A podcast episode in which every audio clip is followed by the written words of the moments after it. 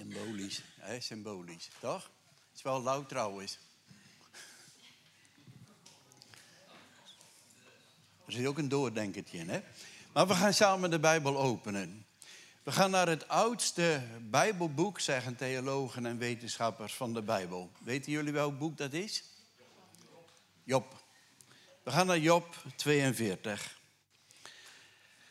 Job, hoofdstuk 42. We lezen vandaag uit de NBV. Ik heb de NBV 21 tekst hier voor mij. Die is weer een ietsje anders. En we lezen vanaf vers 7. En dan wil ik u vragen, laten we op uh, twee woorden letten. Um, of twee uitingen. Um, allereerst het woordje daarna. Daar komen we twee keer tegen. Maar let ook even op op het woordje mijn dienaar Job. Of, um, en Jacco, jij zei het ook in de zangdienst. We zijn dienstknechten van de Heer, zei je. En dat zegt hij ook in BG, andere vertalingen. Zegt de Heer, mijn dienstknecht Job. Let er even op, toch? Oké, we lezen vanaf vers 7. En we lezen hier, Job 42. Nadat de Heer tot Job had gesproken, richtte hij zich tot Elifas uit Theman. En de Heere zeide tegen hem, ik ben in woede ontstoken tegen jou en je twee vrienden. Oei, omdat jullie niet juist over mij hebben gesproken, zoals mijn dienaar Job. Wel nu, neem elk zeven jonge stieren en zeven rammen en ga daarmee naar mijn dienaar Job, zodat jullie een offer kunnen brengen voor jezelf. Job, mijn dienaar, zal voor jullie bidden en ik zal hem ter wille zijn. Dan zal ik jullie niet blootstellen aan schande, ook al hebben jullie niet juist over mij gesproken, zoals mijn dienaar Job. En Elifas uit Theman, Bildad uit eh, Suach en Sofar uit Naama deden zoals de Heere had gezegd. En de Heere was Job ter wille. Nadat Job voor zijn vrienden had gebeden, bracht de Heer een keer in het lot van Job. En hij gaf hem het dubbele van al wat hij eerder bezat. Zullen we de Heer danken voor zijn woord en bidden voor de Heilige Geest? Vader, we danken u voor uw woord. We danken u voor de Heilige Geest en we dragen ook eh, dit moment aan u op, Heer, als we samen uw woord openen. Heer, de Bijbel zegt, het openen van uw woord verspreidt licht en geeft inzicht.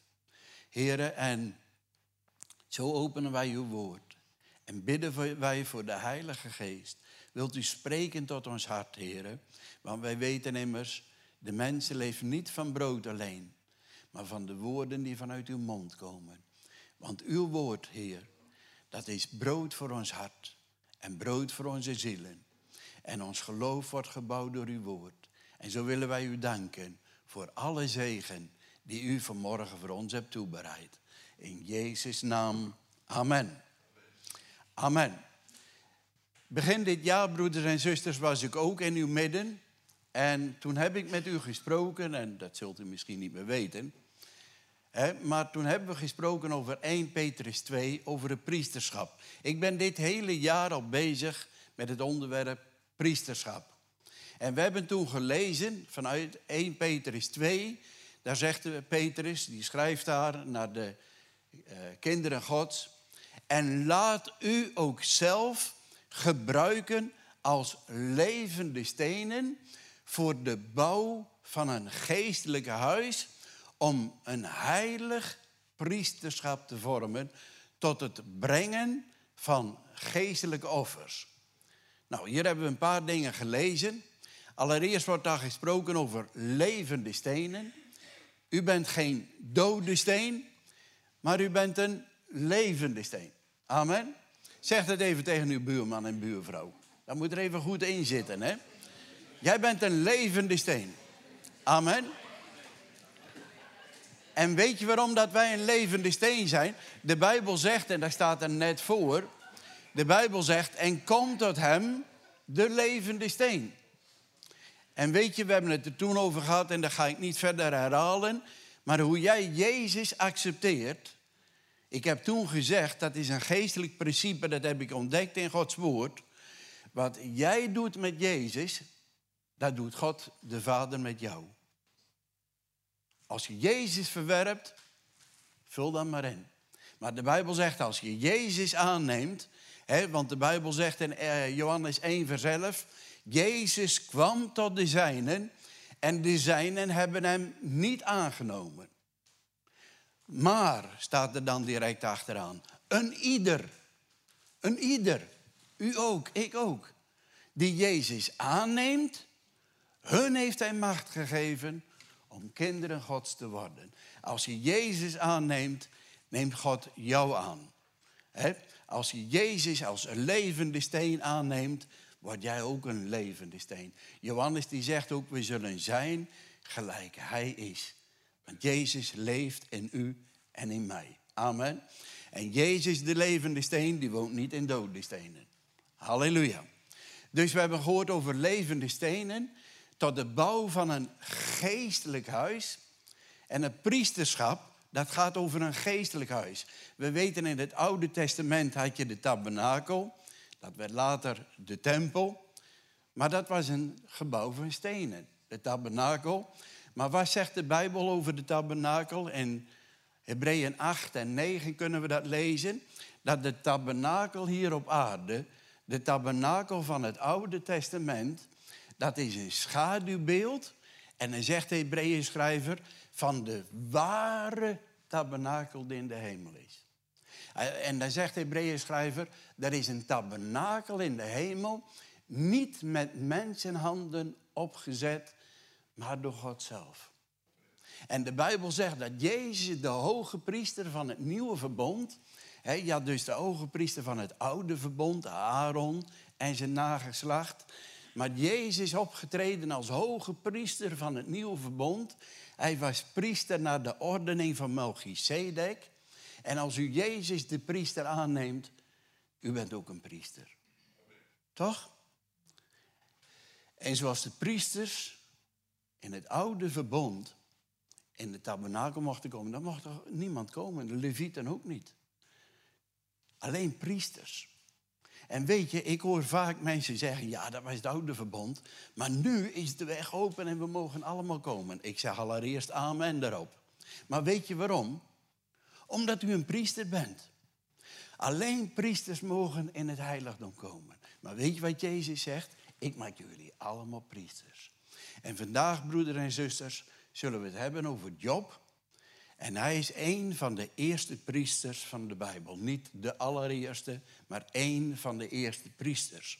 We hebben zojuist gelezen dus uh, uh, levende stenen, een geestelijk huis, om een, om een uh, heilig priesterschap te vormen. We hebben net begrepen, dat bent u en ik ook, tot het brengen van geestelijke offers. Geen natuurlijke offers, zegt de Bijbel. Dat deden ze in het Oude Testament, daar brachten ze natuurlijke offers. Maar wij brengen geestelijke offers. En vandaag wil ik het daarover hebben. Wij zijn priesters tot het brengen van geestelijke offers. We hebben vanmorgen gelezen, broeders en zusters, allereerst over Job. En ik heb u ook gevraagd, let er even op. En Job wordt hier vier keer genoemd. En iedere keer als God over Job spreekt, dat lezen wij vanaf Job 1 al. Iedere keer als Job door God genoemd wordt, dan zegt de Heere God, Job, mijn dienstknecht. Mooi is dat, hè? Dat zegt hij ook van Mozes. Vorig jaar hebben jullie samen Jozua 1 hè, gelezen, maar we weten in Jozua 1, vers 1, dat begint ook dat God tegen Jozua zegt, Mozes, mijn dienstknecht, is gestorven. Wel nu, maak u op. Maak u gereed. En hier zegt God ook, Job, mijn dienstknecht. Mooi is dat, hè? Weet je wat dat betekent, broeders en zusters? En ik was echt aangesproken. Ik weet niet, Jacco, als je dat bewust deed of eh, hoe dan ook. Maar ik zag er eh, toch eigenlijk weer de Heilige Geest in, de werking van de Heilige Geest in. Ook jij zei allereerst, Heer, u noemt ons vrienden. Dat heb je gezegd, hè, een paar keer zelfs. Maar je zei toen ook, we zijn dienstknecht van u. En weet je, God noemt Job mijn dienstknecht. Mooi is dat, hè? Weet je wat God bedoelt als hij zegt mijn dienstknecht? Dan zegt hij allereerst, je staat aan de goede kant van de lijn. Toch? Je bent zijn dienstknecht. En het tweede wat God bedoelt met dienstknecht, je mag meewerken aan Gods plan. En weet je, priesters, die worden ook in de Bijbel genoemd dienstknechten van de Heer. Om een hele bekende Bijbeltekst te noemen, die we ook zingen in liederen. Psalm 134, vers 1, dat zegt: Kom, prijs de Heer, al gij knechten van de Heer, die staan des nachts in het huis van de Heer. Nou, we hebben al net gehoord, alleen priesters mogen in het huis des Heeren staan. Dus als de Bijbel zegt, kom prijs de Heer, al gij knechten van de Heer, die staan in het huis van de Heer. Dus de priesters worden ook dienstknechten van de Heer genoemd. En God zegt hier, Job, mijn dienstknecht. Esther, je bent ook een dienares, hè? hoe zeg je dat? Een dienstmaagd. Ja, zo werden ze vroeger genoemd. En Ankie ook, en vul je naam maar in. Toch? We mogen de Here dienen. Daar staan we aan de goede kant van de lijn. En we mogen meehelpen Gods koninkrijk te bouwen. En we laten ons ook bouwen tot de bouw van een geestelijk huis. We zijn levende stenen. Gods leven werkt door ons heen. Halleluja. En weet je, het tweede woord waar ik nadruk op vroeg vandaag, dat was het woordje nadat. We zijn vandaag begonnen, Job 42, vers 7. En daar zegt de Heer, nadat, hè, daar zegt de Bijbel, nadat Job, nadat God tot Job had gesproken. God had gesproken met Job. Weet je, om even een kleine achtergrond te geven. De meesten van jullie kennen Job wel vanuit de geschiedenis, vanuit de Bijbel. Maar ik wil het toch even genoemd hebben, zodat ik zeker weet, we weten allemaal waar we het over hebben. Wie was Job? Wel, Job, de Bijbel zegt, hij was de rijkste man van het oosten. Het gebied waar hij woonde, dat is het huidige eh, Saoedi-Arabië. En de Bijbel zegt, hij was geweldig rijk. Eigenlijk worden twee dingen van Job gezegd in Job 1. Allereerst wordt hij gezegd dat hij heel rijk was. En het tweede wat van hem gezegd werd, uh, wat hij deed. En eigenlijk één ding wordt genoemd in Job 1 over Job. Allereerst zijn rijkdom heb ik gezegd. Maar het enige wat, wat zijn activiteiten betreft, dan staat er dat hij had tien kinderen, zeven zonen en drie dochters. En dat waren jonge mannen, zijn zonen. En de Bijbel zegt, hij ze hadden allemaal een eigen huis. En om de beurt vierden ze feest. En dan zegt de Bijbel, en als de dagen, meervoud, van het feest voorbij waren. Die waren zeven jonge mannen met een rijke pa, toch? Met een ezel XT voor de deur. Toch? Ja, een dubbel uitlaat. Ja. Ja, maar ze waren rijk. En ze feesten erover. Ze hadden een goed leven. Maar de Bijbel zegt, en daar wil ik naartoe. Want hier zien we wat Job deed. Job was een priester over zijn huis. Want de Bijbel zegt telkens, als die dagen voorbij waren, dan liet Job zijn kinderen één voor één, liet hij bij zich komen. En de Bijbel zegt, en hij bracht voor elk van zijn kinderen, bracht hij een brandoffer. En de Bijbel zegt, en zo heiligde hij zijn kinderen. En de Bijbel zegt, want Job dacht bij zichzelf. Er staat niet, want Job wist, maar Job dacht bij zichzelf. Als je dat leest, dan denk je dat is echt een. Hij zoals een ouder, vaak, de meeste van jullie kennen het wel. Hè? Job dacht bij zichzelf. Misschien hebben mijn kinderen gezondigd. Misschien hebben ze in hun hart de Heer vaarwel gezegd. Hij wist het niet zeker. Hij wist niet wat zijn kinderen deden. Wij weten ook al niet wat onze kinderen doen, toch? Ik was pas in een gemeente, er zaten een heleboel jonge mensen. En toen zei ik, en jullie jonge mensen, jullie doen wel eens dingen dat je denkt, nou, pa mag beter niet weten. Toch? Laten we niet vergeten, uh, hoe zegt het ook weer? Een koe moet niet vergeten dat hij ook kalf is geweest. Dus ik weet waar ik het over heb. ja. Maar de Bijbel zegt, Job dacht bij zichzelf. Er was een zorg voor zijn kinderen. Maar weet je wat Job deed? De Bijbel zegt, hij bracht een offer en hij heiligde zijn kinderen. Hij bracht ze onder het bloed. En weet je het mooie, als je dan Job leest. Nou, Job ging door een heleboel ellende heen, dat weten we. Alles raakte hij kwijt. Ook zijn kinderen, ook zijn gezin. Alles werd hem ontnomen. Maar Job begreep dat niet. Wij hebben het voorrecht dat wij het boek Job hebben. En Job 1 neemt ons mee, de schrijver van het boek Job, neemt ons mee in de hemelse gewesten. Wij mogen zien wat er eigenlijk achter de schermen afspeelt, wat voor Job en voor zijn vrienden verborgen was. En we lezen op een zekere dag komen de zonen gods, dat zijn dan de engelen, die komen voor God en onder hen was ook de Satan. En God vroeg Satan, waar kom je vandaan? Ja, weet je, Satan moet rekenschap afleggen voor wat hij doet. En hij zegt Satan, ik heb de aarde doorkruist. Satan, God is alomtegenwoordig. We zongen vandaag een lied en daar stond, uh, de Heer onze God, dat lied was het. U die de tijd geschapen heeft. God heeft de tijd geschapen. God is boven de tijd. Maar God heeft de tijd geschapen. Satan is niet alomtegenwoordig en hij zegt, ik heb de aarde doorkruist. En dan vraagt God, heb jij ook mijn dienstknecht Job gezien? Want niemand is als hij. Niemand, zegt God. Zo vroom, oprecht en wijkend van het kwaad. Niemand als hij. Dat woordje vroom, dat betekent eigenlijk perfect.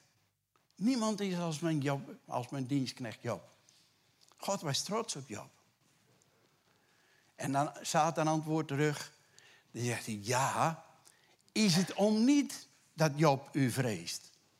Want gij hebt al zijn bezittingen en zijn huis, um, niet ommuurd, maar daar staat dus om, ook niet omsingeld, maar uh, beschut. Uh, een schutting rondom. Er was een beschutting rondom het huis van Job. Job, uh, Satan had dat gezien. Misschien had hij ook wel even aan die, aan die schutting gerammeld. En hij besefte, ik kan er niet bij komen. Wat was die beschutting? Wat hebben we vanmorgen gelezen. Job zorgde dat zijn huis, zijn kinderen, zijn bezittingen, zijn leven, dat het alles was onder het bloed. Hij bracht offers. En de Bijbel zegt, wij mogen geestelijke offers brengen. Job was priester in zijn huis. En we weten wat aan de duivel zegt. De duivel zegt, keer uw hand tegen hem en dan zullen we zien wat Job doet. Test hem. Probeer het. En weet je, dan zegt God, oké, we gaan hem testen. Nogmaals, wij mogen achter de schermen kijken. Job wist niet wat hem overkwam. van de ene zegen zo in één keer in de ellende gestort worden. En Job begreep het niet. En zijn vrienden begrepen het ook niet. Maar eh, God zegt tegen Job, tegen de Satan... oké, alles wat hij heeft mag je wegnemen. Maar van Job zelf blijf je af. Weet je, dat is ook zo mooi. We hebben net al gezien dat uh, Satan is niet alomtegenwoordig. Uh, hij moet rekenschap afleggen. Maar God zegt ook tegen Satan tot hier en niet verder. Tot hier en niet verder. En weet je, het bloed van Jezus reinigt van alle zonden. We zijn vrijgekocht door het bloed van Jezus. En Satan mag niet voorbij het bloed komen. Zorg dat je gezin onder het bloed is. Van Job blijf je af. En weet je, dan Job die raakt alles kwijt. Zijn, uh, ik heb er een keer hier vroeger over gesproken. En heb ik alle zeven punten genoemd. Vanwege de tijd wil ik dat nu niet doen. We gaan er wat sneller doorheen vandaag. Maar hij raakt alles kwijt. Alles werd hem ontnomen. Op één dag. Maar weet je, het eerste waar Satan van hem wegnam, dat was zijn vee. Dat was zijn vee waarmee hij offers bracht. Satan die zorgde ervoor van, hé, hey, ik neem eerst dat vee weg, bij wijze van spreken, zodat hij geen offers meer kan brengen, zodat er geen bloed meer muren opgebouwd kunnen worden. Dat was het eerste. Ik geloof wat de duivel wil doen, ook in ons leven. Het eerste wat hij bij je weg wil roven, dat is je zekerheid die je hebt in Christus. En jouw gerechtigheid. En we weten dan, komt Satan weer een keer voor Gods aangezicht en dan zegt God, nou je hebt het gezien hè.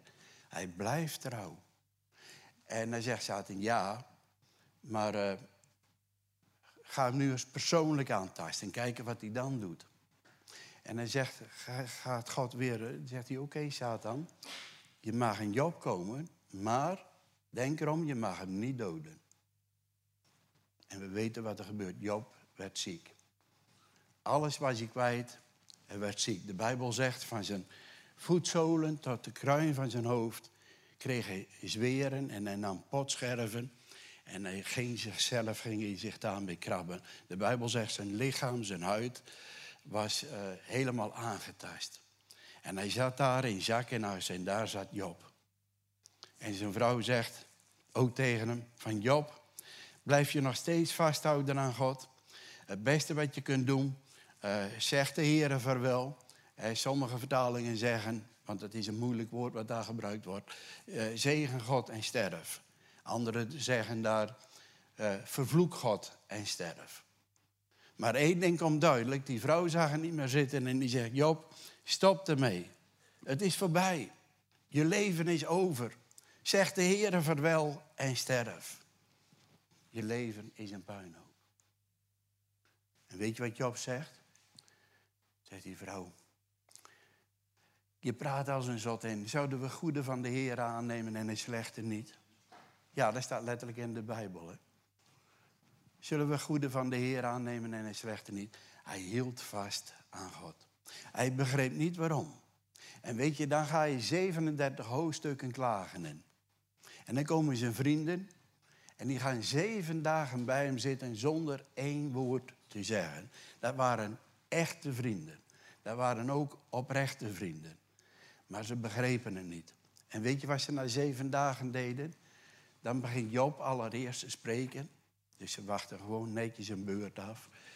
Ik noem dat echte vriendschap. Als jij vrienden hebt die zeven dagen naast jou in het as en in de ellende bij je gaan zitten. Ze zeggen niks, maar ze willen er alleen maar voor je zijn. Dat noem ik echte vrienden. Dat moeten we niet vergeten. Maar ze hadden geen oplossing. En als Job begint, de Bijbel zegt hij vervloekt de dag waarop hij geboren is. Hij zegt ik begrijp er niks van. Maar dan beginnen zijn vrienden. En weet je, dat is eigenlijk menselijk wat ze doen. Ze proberen een antwoord te vinden. Ze zeggen wel eens, het hoofdthema van het boek Job is... waarom lijden de rechtvaardigen? Maar weet je, broeder en zusters, wij mogen achter de schermen zien. En zo kan het ook in uw en in mijn leven zijn. De, als er strijd komt in je leven. En daar heb je ook over geprofiteerd, Jacob. Je was wat dat betreft uh, vrij hot vandaag. Ja. Oké. We geven hem niet de Heer, maar God, hè? Daar wil ik er even bij zeggen. Goed. Maar um, als, als er strijd is in je leven, de duivel die wil die strijd en die problemen die jij in je leven hebt gebruiken om jou naar beneden te halen. Maar we hebben vandaag gezien, en dat is niet alleen in het leven van Job, maar de Bijbel is er vol van.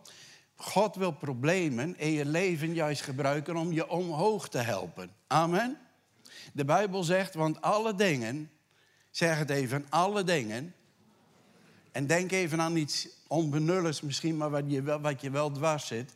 De Bijbel zegt, alle dingen zullen meewerken ten goede voor diegenen die God vertrouwen en God liefhebben. Toch? God gebruikt onze dingen. We zingen het ook in een lied. Hè? Zelfs onze zwakheden keert hij ten goede door zijn geest. Want weet je, Satan probeerde alles van Job weg te roven. Om, om Job in de ellende te brengen. Maar God had een ander plan met Job. Amen. En dan komen we door alle ellende heen. En dat loopt eigenlijk, eh, ik denk het dieptepunt in Job, dat kun je lezen, dat hij zegt aan te raden, dat is Job 19. En dan zegt hij ook tegen zijn vrienden, want die zeggen, ja maar Job, er moet toch wel wat in jouw leven zijn wat niet deugt. Want God dit is niet zomaar toeval hoor, alles wat jij... Je bent je, je werk, je business bij je kwijt, je gezin, wat hele... Tien kinderen verliezen, dat is toch wat? He? Dat is heel erg. En Job heeft het allemaal meegemaakt. En zijn vrienden zeggen, nou Job, daar ligt wel een, eh, een zonde op je leven of een vloek op je leven. Want dat gebeurt niet zomaar wat jou overkomt. En ze proberen Job aan te klagen. En als je in Job 19 komt, dan zegt hij ook, ik geloof in vers 25, dan zegt hij ook, waarom kwellen jullie mij? Tot tien keer toe kwellen jullie mij met jullie woorden. Dat zegt hij. Zegt, kennen jullie daar geen erbarmen? Maar weet je, dan zegt hij iets moois. Dan zegt hij in Job 42, maar, maar, ik weet, zegt hij. Hij zegt in Job 19, eh, te midden van al die ellende. Hij zegt, maar ik weet, mijn verlosser leeft. Hij zegt aan het eind, zullen mijn ogen hem aanschouwen. En hij zal mij vanuit het stof doen oprijzen. Mooi is dat, hè? Dat was zijn beleidenis. We hebben vanmorgen gelezen in Job 42 dat God tegen die drie vrienden zegt: Jullie hebben niet gesproken zoals mijn knecht Job. Hoe had Job gesproken? Eén zijn ellende. Zegt hij, maar één ding weet ik. Mijn verlosser leeft. En er zal een dag komen. Dan zal ik met mijn eigen ogen hem aanschouwen. Hij zegt, al is mijn lichaam en mijn vlees geschonden. En ik hoor het Jan al zeggen. Broeder Jan.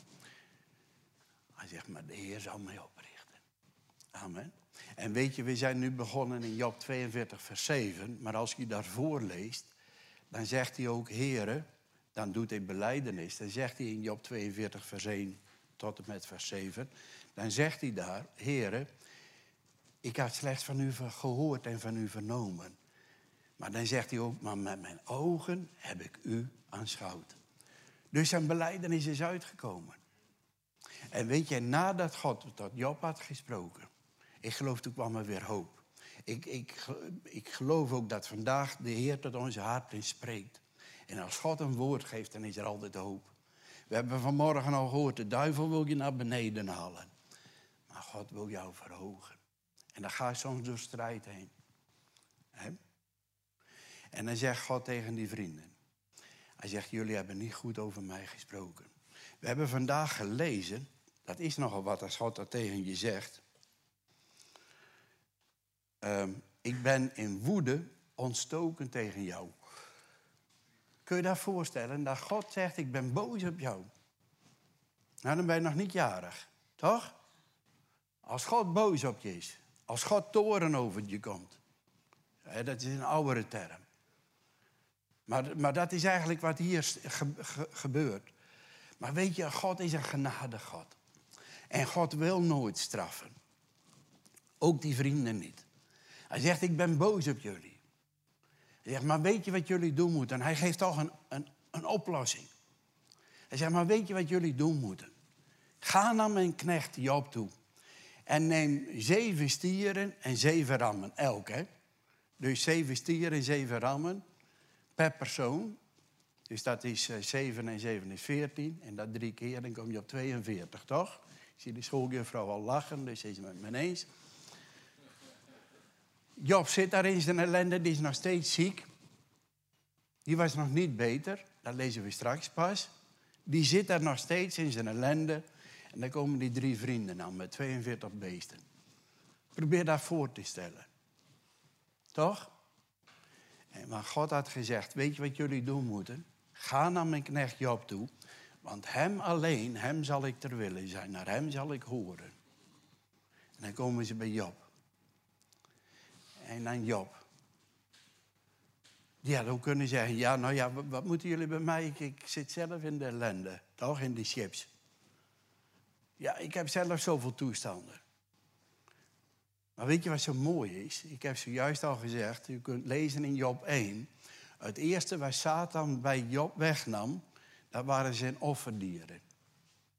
En hier komen de tegenstanders, dat waren eigenlijk oude vrienden, maar ze werden tegenstanders eigenlijk, waren de aanklagers. Ze lieten zich door de boze gebruiken. En die komen met 42 dieren aan. Job, Job gaat weer offeren. Toch? En dan zegt de Bijbel, broeder en zuster, en ik geloof dat is ook een lering voor ons als gemeente. Dan zegt de Bijbel, we hebben het gelezen in Job 42, vers 10. Nadat, en niet voor, niet tijdens, maar de Bijbel zegt nadat. Job voor zijn vrienden had gebeden, bracht de Heer een keer in het lot van Job. De Bijbel zegt, Jacobus zegt, bid voor elkander, opdat gij genezing ontvangt. Weet je, als je, hiervoor heb je 37 hoofdstukken klagen. Dat had Job geen. al dat klagen, dat had hem niet genezen. Toch? Al dat geklaagd, dat had hem niet genezen. Maar de Bijbel zegt toen hij had gebeden voor zijn vrienden. Nadat hij gebeden had voor zijn vrienden, bracht de Heer een keer in het lot van Job. En weet je, dan lees je, dat hebben wij ook gelezen, en uh, daar eindigt vers 10 mee. En God gaf hem het dubbele van wat hij eerder bezat. Alles kreeg hij dubbel terug. Alles. Maar weet je wat hij ook dubbel terugkreeg? En dat lezen we soms over het hoofd. Maar we hebben het vandaag over, zijn, over het priesterschap. Hij werd ook vermenigvuldigd, verdubbeld, maar ik gebruik liever het woordje vermenigvuldigd, want dat gebruikt Peter is ook. In zijn priesterschap werd hij ook verdubbeld en vermenigvuldigd. Want we lezen in Job 1, hij bad voor zijn gezin. Maar we lezen in Job 42, hij bidt voor zijn vrienden, die zijn aanklagers, maar hij bidt voor hen. En de Bijbel zegt in 1 Petrus, 1 Petrus 2, dat gaat over priesterschap. En in 1 Petrus 3, als Petrus daar wat dieper op ingaat, dan zegt hij ook zegen en vervloek niet. Want gij zijt geroepen om zegen te ontvangen. Eigenlijk wat Petrus zegt, wij moeten zegenen, ook hen die tegen ons zijn. Maar de Bijbel leert ons zegenen vervloek niet, want wij zijn geroepen om zegen te ontvangen. En het werkt niet zo, broeder en zusters, dat zijn ook weer principes in Gods koninkrijk. Als jij vervloekt, dan kun je geen zegen ontvangen. Want de Bijbel zegt, wat je zaait, zul je oogsten. En, en Petrus zegt, zegen en vervloek niet, want je bent geroepen om zegen te ontvangen. Ik geloof, God heeft een zegen voor ons klaar liggen. Amen. En als wij vasthouden aan de Heer, en dat was ook een profetisch woord vanmorgen, toch? Is dat opgenomen? Dat was ook een profetisch woord. Hou vast. Want ik kom, ik kom mijn belofte na, was het woord vanmorgen. God komt zijn belofte na. Maar vanmorgen was een profetisch woord in ons midden. Aan ons was de oproep, hou vast aan de Heer. En als je vasthoudt aan de Heer, nogmaals, de duivel wil je naar beneden. Hè? Die wil alles bij je wegroven. De Bijbel zegt, Jezus zegt, de dief komt om te stelen, te slachten en te verdelgen. Maar dan zegt Jezus hier direct achteraan, maar ik ben gekomen, zegt Jezus, om leven en overvloed te brengen. Bij de Heer is altijd overvloed. En als wij vasthouden aan de Heer, dan moet je kijken wat de Heer kan doen in je leven. Amen. Ik geloof de Heer kan verdubbelen. De Heer kan vermenigvuldigen in ons leven. Als wij vasthouden aan de Heer. En dat is de les die we leren. En dat is een onderdeel van het priester zijn. Geestelijk offers brengen. Job die bracht natuurlijk offers. Hij bracht beesten. Hij ook die vrienden. God had gezegd, breng beesten. Dat was nog het Oude Testament. Maar we weten, het is door het bloed. Daar hebben we vanmorgen ook over gezongen. Het is door het bloed van het lam. Daardoor zijn we vrijgekocht. Daardoor zijn we geheiligd. Daardoor zijn wij zijn eigendom geworden. En de Bijbel zegt, door het bloed van het lam hebben wij vrije toegang tot de troon der genade. Halleluja. Amen. Zullen we samen bidden? Vader in de hemel, ik wil u danken voor uw woord. Heren, zo zijn we vandaag ook begonnen met dat gebed. En nu mogen we dat nog doen. Want heren, u sprak tot Job, maar vandaag sprak u ook door uw geest tot onze harten. En ik bid ook, heren, laat uw woord levend zijn aan onze harten. En broeder en zusters, neem dit woord. Hou vast aan het woord. Want we hebben vanmorgen al gehoord. Hij komt zijn belofte na. God heeft een plan met je leven. Misschien ga je ook door, door situaties heen dat je zegt... ik begrijp er niet waarom ik er doorheen moet. Waarom wordt al dat goede mij ontnomen? Wat is er gaande in mijn leven? En je begrijpt het niet. Vandaag mochten we toch een blik slaan hoe het soms werkt in de geestelijke wereld. dat er is een, een dief en een rover en een moordenaar, zegt Jezus. Maar Jezus zegt, maar ik ben er ook. En ik ben er om jouw leven en overvloed te geven. O, laat Jezus toe in je leven. Zeg het nu ook op dit moment. Heer Jezus, kom in mijn leven. Meer en meer. Ik wil u volgen. Er zijn dingen die ik niet begrijp. Maar zoals wij vanmorgen gehoord hebben vanuit uw woord. U werkt. En niemand kan het keren. Halleluja. Amen.